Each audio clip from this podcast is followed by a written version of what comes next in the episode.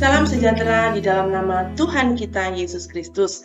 Kali ini kita akan kembali belajar bersama dari kitab Efesus pasal yang keempat ayat yang ke-29 dengan judul perkataan yang membangun.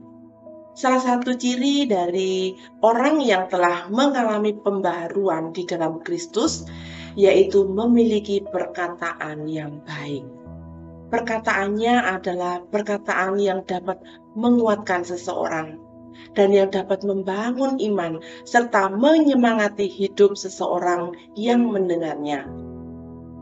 Perkataannya ibarat seperti mata air yang selalu mengeluarkan air yang jernih. Bisa terjadi oleh karena Kristus telah memperbaharui hatinya. Hatinya telah diubahkan secara total dari hati yang baik hati yang sesuai dengan Allah. Sehingga dari dalam hatinya akan mengeluarkan perkataan demi perkataan yang dapat menguatkan dan membangun orang lain.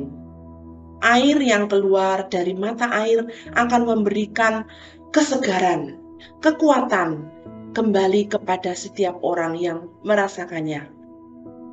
Demikian juga perkataan setiap orang yang benar di dalam Tuhan. Orang yang telah diperbaharui hatinya oleh Tuhan akan selalu dapat memberkati orang lain.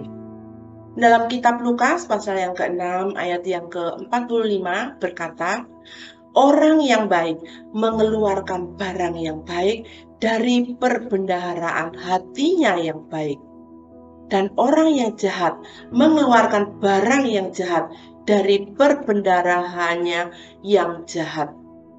Karena yang diucapkan dari mulutnya meluat dari hatinya. Apa yang keluar dari mulutnya itu adalah bersumber dari dalam hatinya. Sehingga orang yang telah diperbaharui hatinya oleh Tuhan akan mengeluarkan perkataan-perkataan yang baik yang dapat memberkati orang lain juga. Bapak Ibu yang terkasih, berhati-hatilah dengan perkataan yang keluar dari mulut kita. Sebab dengan mulut kita dapat menguatkan dan membangun iman seseorang dan menyemangati hidup seseorang. Tetapi sebaliknya, dengan mulut pula kita dapat menghancurkan seseorang.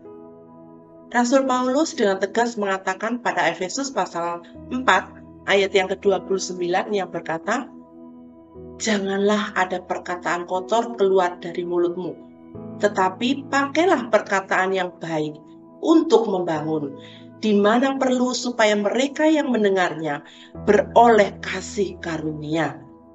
Kiranya pertolongan Tuhan senantiasa ada buat Bapak, Ibu, dan saya, supaya setiap kita dapat mengeluarkan perkataan demi perkataan yang baik, perkataan yang membangun, yang menguatkan orang lain, dan yang akhirnya nama Tuhan Yesus yang boleh dipermuliakan dalam kehidupan kita.